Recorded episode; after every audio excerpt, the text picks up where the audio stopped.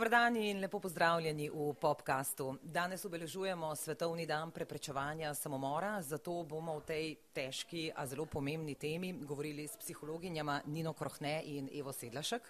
Dobar dan, dobrodošli. Dobar dan. Obe sta Pozdravljeni. Obe sta raziskovalki v Slovenskem centru za raziskovanje samomora, imata dober pregled na tem, kaj se dogaja na terenu, zelo sta upeti tudi v delo z mladostniki, pri katerih so strokovnjaki v zadnjih letih pretežno zaradi epidemije zaznali porast samomorilnih vedenj.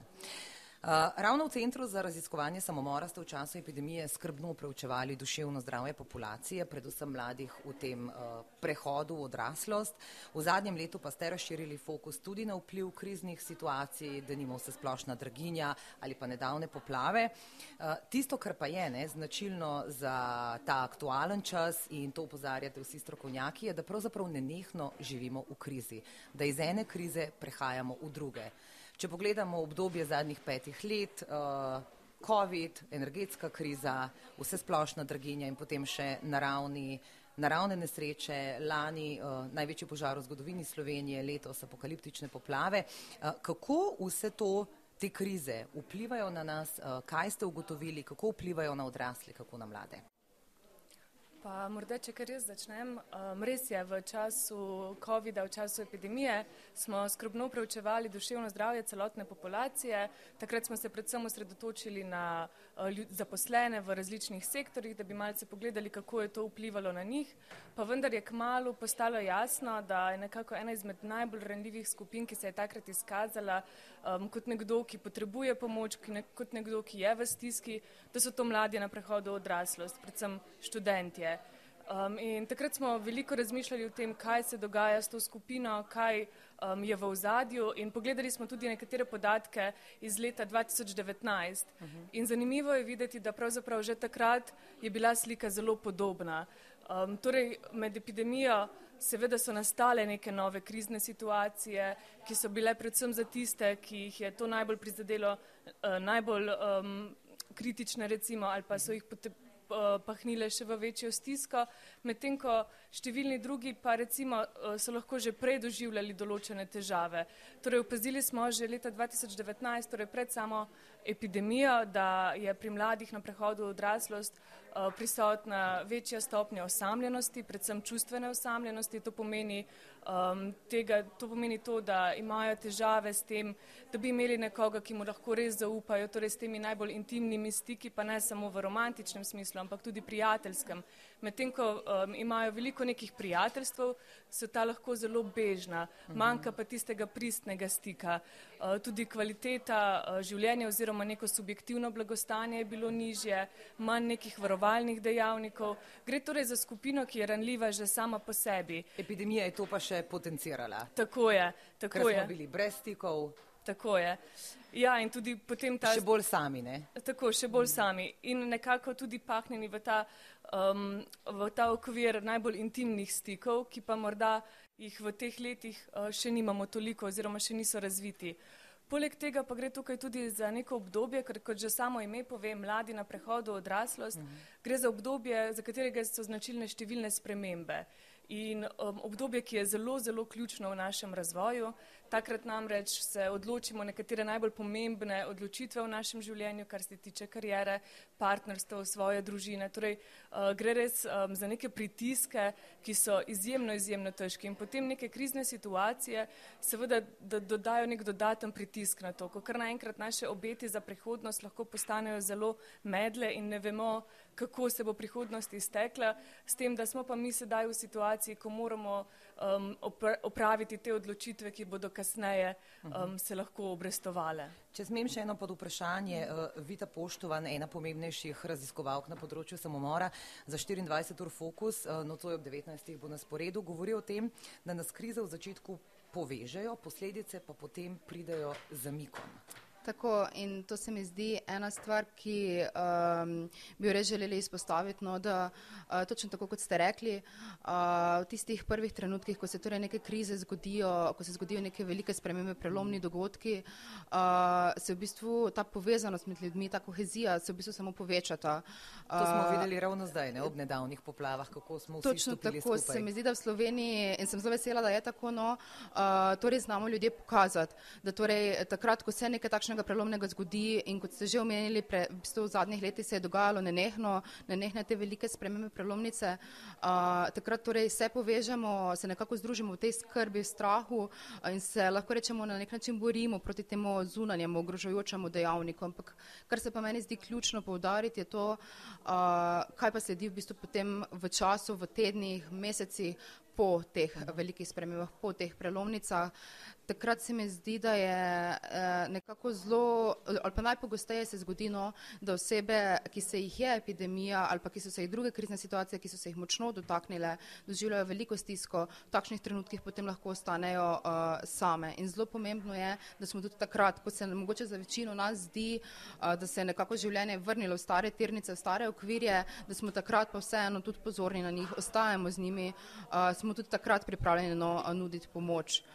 Um, je pa seveda res, da um, krizne situacije, te prelomnice, uh, pač ni nekega enoznačnega odgovora, kako uh, vplivajo na nas uh, in tukaj bi želela tudi mogoče izpostaviti to, da tudi recimo rezultati naših študij uh, enega v bistvu večletnega projekta Človek v primežu COVID-19, ki ga izvajamo skupaj z Nacionalnim inštitutom za javno zdravje in Filozofsko fakulteto Univerze v Ljubljani, v bistvu rezultati kažejo, uh, da se je epidemija ljudi uh, dotaknila na zelo različne načine.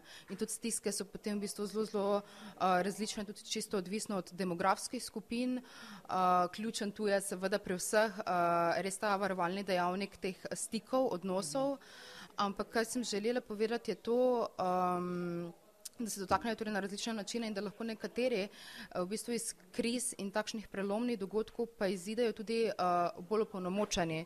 Recimo vidi tudi neke ne, pozitivne spremembe, mogoče že v samem tistem obdobju uh, lahko spremembe doživljajo kot blagodejne. Pa seveda žal potem na drugi strani um, tiste, ki, se, ki pa jih takšni dogodki uh, močno prizadenejo. Je pa zanimivo, ne, da sama epidemija, uh, morda celo v nasprotju z pričakovanji, na samomorilni količnik ni vplivala, ni ga povišala. Ne tako kažejo številke, bomo v teh številkah uh, malce kasneje. Uh, če se vrnemo še na mlade, uh, ravno med mladimi za krepitev duševnega zdravja izvajate projekt A štekaš oziroma a se štekaš. Uh, o čem vam mladi pripovedujejo, kaj jih najbolj obremenjuje in um, kaj seveda tisto, kar ne vse, nekatere vodi v samomorilno vedenje? Uh, ja, kot ste omenili, uh, z mladimi res neposredno delujemo, uh, predvsem z mladostniki, no, v okviru projekta Se štekaš, s katerim nekako želimo krepiti uh, njihovo duševno zdravje, predvsem pa tudi ozaveščati o pomembnosti prepoznavanja samomorilnega vedenja na eni strani in seveda preprečevanja uh, samomorilnega vedenja. Zdaj, uh, kar bi želela izpostaviti, je uh, pri mladostnikih je res moč opaziti na to željo uh, potem, uh, da govorijo o teh tematikah uh, da poznavajo področje duševnega zdravja. Da, kar je super. Tako, tako. Uh, in to je tisto, kar se mi zdi, da dosti krat pozabimo, no? uh, da so pripravljeni o tem govoriti, pa tudi to, da si mislimo, recimo, da se v zadnjih letih veliko več govori o duševnem zdravju, tudi seveda o težavah v duševnem zdravju, ampak ko recimo pri mladih čisto konkretno preverimo to s vprašanjem, kaj pa oni menijo o tem, uh, je res skoraj da po večini no odgovor tak, da je teh vsebin premalo, da jih uh, ne poznajo in da bi si želeli v bistvu uh, veliko več uh, tega. Kar se mi zdi na eni strani odraz seveda tega, da v bistvu to niso vsebine, torej skrb za duševno zdravje ni nekaj, kar bi naslavljali že od majhnega, kar bi recimo bilo del nekega rednega učnega načrta. Uh, in pa seveda njihovih potreb, njihovih stisk, uh, potreb tem, da izrazijo svojo stisko, izrazijo svoje um, težave, ki pa so zelo, zelo v bistvu že v tistem obdobju eksistencialistične narave oziroma srečujejo se z zelo eksistencialističnimi vprašanji, uh, vprašanji uh, torej, kaj, ne, kaj je smisel, kako naprej, kako sprejemati neke pomembne odločitve. In veliko krat menimo, da recimo so mladostniki ali pa tudi kasneje, no, da se srečujejo seveda se z nekimi resnimi duševnimi motnjami, ampak veliko mladostnikov se srečuje potem s čisto z nekimi splošnimi vsakdanjimi vprašanji, ki pa lahko predstavljajo stisko. Uh, če smem, gospa Kruhne, uh, nič narobe ni, če se mladostnik sprašuje o svojem obstoju. Ja. Kaj jaz počnem na tem svetu, kje v tem svetu je moje mesto, uh, vse to je do normativno. Tako je. Mladostniki gredo skozi nek razvoj, tudi miselni, kognitivni razvoj, ki v določenih letih, tam nekje recimo okoli 15. leta, 14. do 17. Eh, predvideva tudi to, da se začnemo zavedati svojega položaja na nek način v družbi, pa tudi v širšem svetu. In ta vprašanja um, pridejo na dan in tudi ta realizacija, da morda življenje nima smisla, ki je lahko eh, res um, zelo težka za mladostnika, sploh pa, ker v teh letih še nima istih um, čisto razvojno, biološko razvojno gledano istih sposobnosti regulacije, prav tako nima še um, istih izkušenj kot kasneje in zato so lahko neka takšna vprašanja izjemno obremenjujoča. Um, in imajo veliko težo na njih. In takrat je pomembno, da imajo nekoga, s kom se lahko to pogovorijo, predvsem odrasle osebe, ki nekako smo um, skozi ta vprašanja že šli in lahko nudimo neko to pomerjenost in neko vodilo, da um, se bo situacija izboljšala, da bo, uh, da bo bolje. Kljub temu pa um, smo tam z njimi in res prisluhnimo tem njegovim stiskam, vprašanjem, um, kajti potrebujejo, nekega, so, potrebujejo sogovornika, ki jih bo razumel in sogovornika, ki bo pripravljen slišati to, kaj doživljajo. V prvi vrsti smo to seveda starši, uh, potem pa šole, ne? Šolske svetovalnice, šolski psihologi. Ja, Ta mreža je pravzaprav zelo široka. Na eni strani starši, eh, na drugi strani so to lahko tudi drugi sorodniki, marsikdo ima stik eh, s starimi starši, strici, tetami, sosedi, eh, potem seveda v šoli. Pa tudi v šoli um, marsikdo ima dobre odnose s katerimi izmed učiteljev, um, torej širok je ta spektr, pa tudi, um, da ne zanemarimo različnih um, mladinskih organizacij, obšolskih dejavnosti, hobijev, um, torej res je lahko široka mreža in širša kot je, um, bolj, boljši vpliv bo imela na posameznika. Torej, um, vsak izmed nas, tudi če recimo nismo starši, pa tudi če nismo neposredno recimo v takšni vlogi, če smo seveda še toliko bolj, um, si lahko, se lahko prepozna svojo vlogo uh, v tem, da je lahko ta odrasla oseba, ki je tam za mladostnika, ko ga potrebuje. Hojka Gregorič, komprščak, vodja enote za otroško in mladostniško psihiatrijo v UKC Maribor, upozarja, da mladim dajemo napačna sporočila, ker imamo kot družba toleranco do samomora. Zato, ker v Sloveniji samomor percipiramo kot možno rešitev.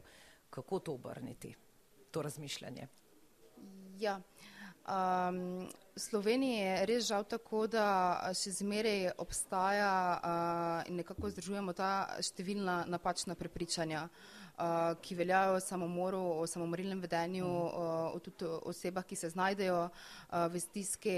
In tu se mi zdi, da je ključno tisto, uh, na čemer uh, bi morali delati, bo, že delamo oziroma je potrebno delati uh, še naprej. Uh, tukaj mogoče Nina, če me kar dopolniš. Um, ja, da torej gre za neka prepričanja, recimo kot je ta, um, da se zelo normalizira že z izjavami, ki jih lahko slišimo. Naprimer, če se to in to ne bo zgodilo, se bom kar ubil. Recimo. Uh -huh. To je nekaj takega, kar lahko slišimo v vsakdanjiku. In neka takšna poved oziroma neka takšna izjava um, nekomu da informacijo, da, to, da je samomor rešitev iz stiske. Um, kljub temu, da ni mišljena resno. Um, veliko je nekih zafrkancij. Poleg tega um, so tukaj tudi drugi mehanizmi, kot je ta, da ko recimo nekdo, um, sploh bližnji oziroma nekdo iz našega lokalnega okolja umre zaradi samomora, tudi to nam lahko da uh, posledično informacijo, da gre tukaj za rešitev iz stiske, predvsem, če se poistovetimo s to osebo.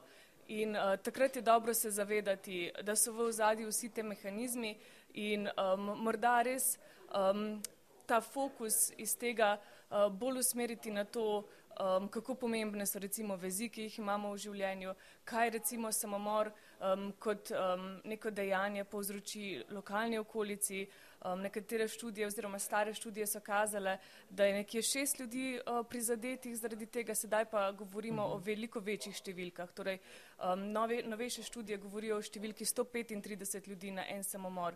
Torej, um, vsak samomor za seboj pusti res um, grozovite posledice, predvsem za bližnje, pa tudi za širšo okolico. In tukaj, um, da se recimo malce več govori o teh zgodbah, um, za neko empatijo, sočutjem, uh, da samomor ne postane neka uh, tema, k, s katero se norčujemo na.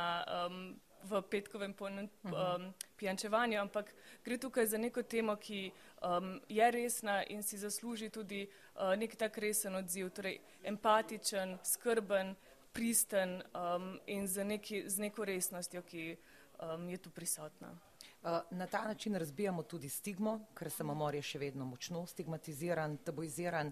Uh, kje pravzaprav vidite možnosti, da bi ga destigmatizirali? Se verjetno z generacijami počasi se to premika. Ker prej ste rekli, ne, med mladimi je te stigme bistveno manj, bistveno bolj odprto govorijo o slabih občutkih, o slabih izkušnjah kot pa odrasli. Ja, ja ta stigma je precej kompleksna zadeva. Mm. Uh, na eni strani govorimo, ja, um, dajmo govoriti več o tem, ampak pri samomoru, ravno zaradi tega učinka posnemanja, je zelo pomembno, na kakšen način govorimo o tem. Torej, mi strokovnjaki se pogosto uh, srečujemo s to dilemo, kako nasloviti to temo. Ta tema res uh, potrebuje primeren prostor in takoj, ko recimo uh, temo odpiramo na neprimeren način, lahko pridemo do neželenih učinkov, vendar pa bi tu upozorila, da marsikdo um, ima mišljenje, da če bo nekoga recimo povprašal potem ali razmišlja o samomoru, mu tako lahko da idejo. Da bi ga spodbudil. Tako. Ja, ni tako, ne? Ne, ni tako. ne, nikakor ni tako. Um, to pri nekomu, ki zares razmišlja o samomoru, povzroči to, da se posli, počuti slišanega.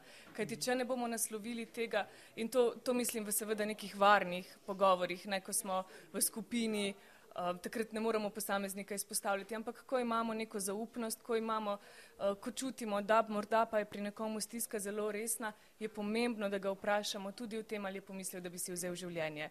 Tukaj um, se naj ne bojimo uporabiti besede samomor. To je tisti način, s katerim lahko razbijamo tabu. Um, da res pokažemo, da nam je mar in tudi potem kajti odgovor je seveda lahko strašljiv za marsikoga izmed nas. Če slišimo, da nekdo zares razmišlja o samomoru, seveda čutimo neko odgovornost, da pomagamo, da nekaj naredimo v tej smeri. Um, in takrat je res pomembno tudi, da smo s tem posameznikom empatični, da skupaj z njim raziskujemo to njegovo stisko, kdaj se pojavlja, kako pogosto, kakšne so te misli, če je že pomislil na to, um, kako bi si vzel življenje, um, kaj je tisto najtežje. Potem pa gremo tudi na pozitivno plat in poskušamo s tem posameznikom raziskovati tudi tisto, za kar pa je morda vredno živeti. Kdo pa je tisti, ki bi ga pogrešal? Kaj pa je tisto, kar je morda ne lep, prav zares lepo, kajti pogosto, ko smo v stiski, težko čutimo res tista prijetna občutja, pa vendar tisto, kar še najbolj spominja na to, kar pa je nekaj, kar pa nam daje motivacijo, da bi mogoče ostali živi samo še en dan, morda en teden. Um, včasih je v taki stiski težko razmišljati zelo nadaleč, ampak um, tisti dan, tisti teden, pa da smo naslednji dan spet tam, ga pokličemo, se, se dogovorimo tudi skupaj, če nam lahko obljubi, da se recimo ne bo ne, nič naredil do naslednjič, ko se slišiva.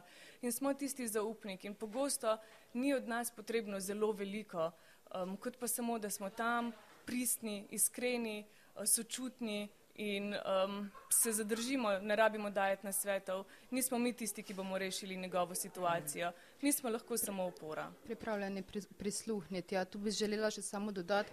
Nina je zelo lepo povedala, zakaj je v bistvu pomembno vprašati, eh, ne, tudi nasloviti uh, samomorilne, morebitne samomorilne misli. In tukaj bi želela reči, da seveda je težko, uh, ni enostavno vprašati tudi ne, za osebo, ampak je potrebno imeti v mislih uh, to, da je verjetno osebi na drugi strani uh, še toliko, te, toliko težje. In uh, veliko krat osebe, ki razmišljajo o samomoru, ki ima, ne, imajo samomorilne misli, potem povedo, da če njihove misli ne bi bile naslovljene, jih v tistem trenutku, ko je bilo ključno, morda ne bi nik, ne, nikomor zaupali.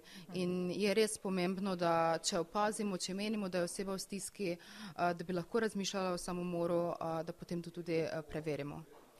Pogosto tudi ne vemo, kako se pogovarjati s svojci tistih, ki so storili samomor. Tudi svojci občutijo, doživljajo stigmo, uh, živijo s to peklensko bolečino. Um, kaj naj njim rečemo? Se mi zdi, da um, je to nekako v nas ljudeh, bi morali nekaj reči, bi morali nekaj narediti, nekaj mhm. rešiti ampak enako kot pri, oziroma podobno kot pri osebi v stiski, uh, ne, tudi svojci, ljudje, ki so izgubili uh, bližnje zaradi samomora, uh, so v stiski in uh, seveda ne vemo, kako, ne, kaj občutijo, kako močna so njihova čustva, kako, kako težka je bolečina, ampak je to tudi ok in tudi to lahko povemo. Ne, vemo, kako, ne vem, kako se počutiš, ampak sem tukaj pripravljen sem prisluhniti in ključno se mi zdi v tem je, da smo tam, da nekako poskušamo zdržati in se trudimo razumeti, razumeti njihovo bolečino. Seveda ne vemo, kako se počutijo, ampak se mi zdi res ključno to, no, da um, smo pripravljeni um, biti tam za njih. Kot Anja Klančar reče v našem prispevku, da človek zna biti tudi tiho. Ja, res je, tišina je pomembna. Mm. Mhm. Uh, že prej ste sami umenili, uh, o samomoru krožijo številni miti, mnogi posem zgrešeni, da nimo ta, ne, nihče ne more preprečiti samomora. Uh, če se z nekom pogovarjamo, tako kot ste prej rekli, ga vprašamo, o čem razmišljaš, ga spodbujamo k tem uh, pozitivnim mislim, kaj pa potem naslednji korak? Je treba koga poklicati, koga o tem obvestiti? Ja, tukaj seveda mi uh, skozi pogovor uh, nekako ocenimo, kako resna je situacija. Mm. Um, torej osebo, ki je v stiski, vprašamo, če razmišlja o tem, da bi si kaj naredila in če reče, da si razmišlja, malce raziskujemo, kako pogoste so to mis te misli, kdaj se sprožijo, v katerih situacijah, kdaj so močnejše. Um, potem tudi povprašamo, kot smo že prej um, omenili, torej, uh, če so že pomislili na to, na kakšen način recimo bi si vzeli življenje. In če vidimo, da ima že nekdo razdelan načrt in že ve, um, je to sigurno znak, da je um, oseba zelo ogrožena oziroma da je ogroženost zelo resna in bo zagotovo potrebovala psihiatrično pomoč. S tem, da tudi če nekdo zelo pogosto razmišlja o samomoru, potrebuje nadaljno pomoč, potrebuje strokovnjaka. Um, tudi mi, kot nekdo, ki se pogovarja s to osebo, ne moramo sami ostati s to stisko, um, da je vsa odgovornost torej na nas. In, Um, v vsakem primeru, ko nekdo um, razmišlja o samomoru, je dobro, um, da si poišče še nadaljno pomoč. To je lahko na eni strani uh, psihoterapevtska pomoč, potem tudi v okviru zdravstva. Če pa je že um, življenje ogroženo, če vidimo, da nekdo ima že pripravljeno metodo oziroma je morda že na tem, da bi recimo si vzel življenje, potem pa je seveda tukaj tudi urgentna številka um, in hospitalizacija um, to seveda ni prijetna stvar, ampak ko gre za reševanje življenja, um, je to pač nujno. Zakaj se človek odloči za samomor? Tudi to ste raziskovali in tudi mnogi pred vami. Uh, samomor je kompleksen fenomen, a sploh obstaja skupni imenovalec? Tako kot, ne, točno tako kot ste rekli, uh, samomor je zelo, zelo uh, kompleksen uh, fenomen. V bistvu gre uh, tudi ravno to raziskovanje, uh, ugotavlja v bistvu, da gre za nek celoten proces, da ne gre za nek enkraten dogodek, čeprav se nam veliko krat zdi, uh, da lahko vidimo nek vzrok za nazaj, tudi včasih stvari lažje videti ali pa se nam zdi, no, da jih je lažje videti. Uh, je potrebno vedeti, da pri samomoru res nikoli ne gre uh, za nek enkraten dogodek, pač pa res nek dolgotrajen proces in da v zadju tega procesa procesa uh, so zmeraj na eni strani varovalni dejavniki, tisti, ki nekako uh, osebo opolnomočijo in na drugi strani dejavniki tveganja, tisti, ki v bistvu to stisko uh, v bistvu povzročajo, jo večajo um, in ki jih je verjetno takrat, ko je stiska tako močna, da oseba ne ve, kako naprej, uh, v tistem trenutku prevladujejo. Uh, se včasih potem zgodijo, mislim, se zgodijo potem pa m, mm, trenutki kot neki um, v bistvu enkratni dogodki, potem osebe lahko, v bistvu lahko te dejavnike in ta čustva samo poglobijo v tistem trenutku. Uh, ampak v resnici gre pa za več čas za nek, nek komple, v bistvu, ja, kompleksen, um, dinamičen uh, proces. Uh, še besedo o številkah, statistiki, breme samomora v Sloveniji je izrazito podatki za lani. 321 moških in 81 žensk je storilo samomor. Če se primerjamo s preostalo Evropo in svetom, smo še vedno krepko nad povprečjem. Res pa je, da samomorilni količnik v Sloveniji v zadnjih letih upada.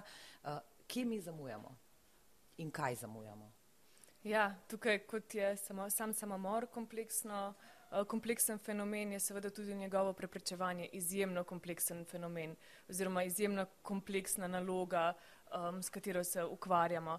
Um, kajti poteka na različnih nivojih. Na eni strani govorimo na individualnem nivoju, torej na nivoju posameznika, potem na nekih na nivoju medosebnih odnosov, pa potem na nivoju um, skupnosti in družbe, kulture. In na vseh teh nivojih obstajajo možnosti, kako preprečevati samomor. Um, zdaj, če govorimo mogoče um, recimo na um, nekem kulturnem nivoju, uh, velik korak smo v Sloveniji že naredili s tem, da je um, pomoč bolj dostopna in to je zagotovo en korak v, pra v pravo smer. Um, drugo tudi s tem, da recimo se o samomoru danes govori drugače, medijsko poročanje se je spremenilo, za katerega vemo, uh, da ima lahko tudi vpliv uh, na samomorilni količnik oziroma na smrt zaradi samomora um, in še se dela v tej smeri. Um, potem tudi um, recimo stigma, uh, pismenost v duševnem zdravju vse večata in tukaj um, tudi to je korak v pravo smer. Vseeno pa recimo obstajajo še vedno na um, recimo medosebnem nivoju, še vedno se soočamo s številnimi uh, zlorabami, konflikti, um, seveda tudi neke duševne motnje, če govorimo zdaj na individualnem mot, um, nivoju, so prisotne. In tukaj so potrebni potem še dodatni ukrepi, um, ki, bi, ki lahko zmanjšujejo. Pa da ne govorimo seveda še o enem um, zelo pomembnem javnozdravstvenem problemu v Sloveniji. Alkohol. Alkohol. In, tesno povezan. Tesno povezan in Samo tudi moj. eden izmed prioritetnih uh mhm. -huh. ciljev. Um, in nekaj, česar se bomo morali v Sloveniji še krepko lotiti in to v sam srž morda naše kulture. Imate morda podatek, za koliko bi zmanjšali samomorilnost, če bi zmanjšali alkoholizem? Zdaj, od točnih številkah uh -huh. ne, zagotovo ne gre govoriti, omenili smo že uh, kompleksnost tega procesa, vsekakor pa je v bistvu ključen res dejavnik tveganja, uh, ki se veže potem tudi na številne vidike, ki smo jih danes že omenili, čisto na ta neka prepričanja, na uh, kdaj iskati pomoč, kako iskati pomoč, videti to kot rešitev uh, na številne vidike, uh, ki se potem povezujejo z stiskami, z samomorilnim vedenjem, se veže, zato je ključno, kot je Nina omenila, da naslovimo tudi to. Eh, za konec dva pomembna dogodka. Izjemno pomembno za Slovenijo je, da letos gosti Svetovni kongres Mednarodne zveze za preprečevanje samomora. Eh, pomembno seveda za preventivne programe, za ljudi, ki pomoč potrebujejo in tukaj še posebej naslavljamo svojce, ki so izgubili bližnje zaradi samomora. To so težke zgodbe. Dve takšni objavljamo nocoj v fokusu. Eden od dogodkov bo namenjen tudi njim. Eh, kaj se bo tam dogajalo, kam naj pridejo, kdaj? Tako. Uh, res je, zelo smo veseli, da lahko v okviru 32. svetovnega kongresa Mednarodne zveze za preprečevanje samomora v bistvu ljudi povabimo uh, potem tudi na dogodek, ki bo potekal uh, 23. septembra v kongresnem uh, centru uh, Bernardin. Gre za dan povezovanja za ljudi z izkušnjo samomorilnega vedenja, uh, bližnje in žalojoče, kot ste že omenili. In res si želimo, nekako se je to prvi tak nek dogodek v Sloveniji, uh, s katerim želimo uh, dati prostor, uh, tudi čas ljudem, uh, ki se srečujejo s težavami v duševnem zdravju, so se morda srečevali v preteklosti, uh, pa potem tudi njihovim bližnjim, tistim, ki so zaradi samomora izgubili svoje bližnje, žalujočim, tudi tistim, ki se jih tematika dotika na takšen ali drugačen način, tudi strokovni javnosti na eni strani. In se nam zdi res ključno, uh, da bodo imeli vsi omenjeni na tem dogodku priložnost biti videni, biti slišani, kar pogosto je potreba oseb, uh, ko se znajdejo v stiski, tudi njihovih bližnjih. Um, in res se nam zdi izredna priložnost, no, da uh, lahko da bodo imeli priložnost podeliti svojo zgodbo, hkrati pa seveda tudi prisluhniti uh, zgodbam, izkušnjam drugim, se na tak način povezati uh, in tvoriti to povezanost, ki smo jo danes že večkrat omenili kot zelo pomemben varovalni dejavnik. Vsi pa se lahko priključimo še eni akciji, prekolesarimo svet, to je pa vse od danes do 10. oktobra, do svetovnega dneva duševnega zdravja. Cilj je prekolesariti dolžino obsega zemlje, dobrih 40 tisoč km, kako lahko vsak od nas prispeva? Um, ja, pravzaprav je to akcija, ki poteka že kar nekaj let, um, tako v svetovnem, kot tudi v slovenskem prostoru. In vsak izmed nas se lahko akciji pridruži tako, da preprosto sede na kolo, lahko tudi sobno kolo, um, prekolesari, potem pa to dolžino, svojo prekolesarjeno dolžino deli z nami. Na naši spletni strani www.zivziv.si um, imamo tudi spletni obrazec, kamor se lahko um, vsi, ki jih tematika zanima oziroma vsi, ki bi se želeli sodelovati, registrirajo in z nami delijo njihove kom, uh, kilometre. Moram povedati, da v lanskem letu smo bili v Sloveniji izjemno uspešni uh, v tej akciji, kajti samo v Sloveniji smo prekolesarili kar dvakratnik um, dolžine obsega zemlje, torej dvakrat dosegli cilj in tako bili na prvem mestu uh, lestvice Mednarodne zveze za preprečevanje samomora. Tako da lahko ta uspeh letos ponovimo. To bi, to bi bil odličen cilj. Upamo. Nina Krohne, Iva Silešek, uh, hvala lepa za vsa pojasnila in hvala, ker ste bili moji gosti. Hvala, hvala za vabilo. Vam pa seveda hvala za pozornost. Z vami sem bila Maja Sodja in se vidimo v naslednjem podkastu.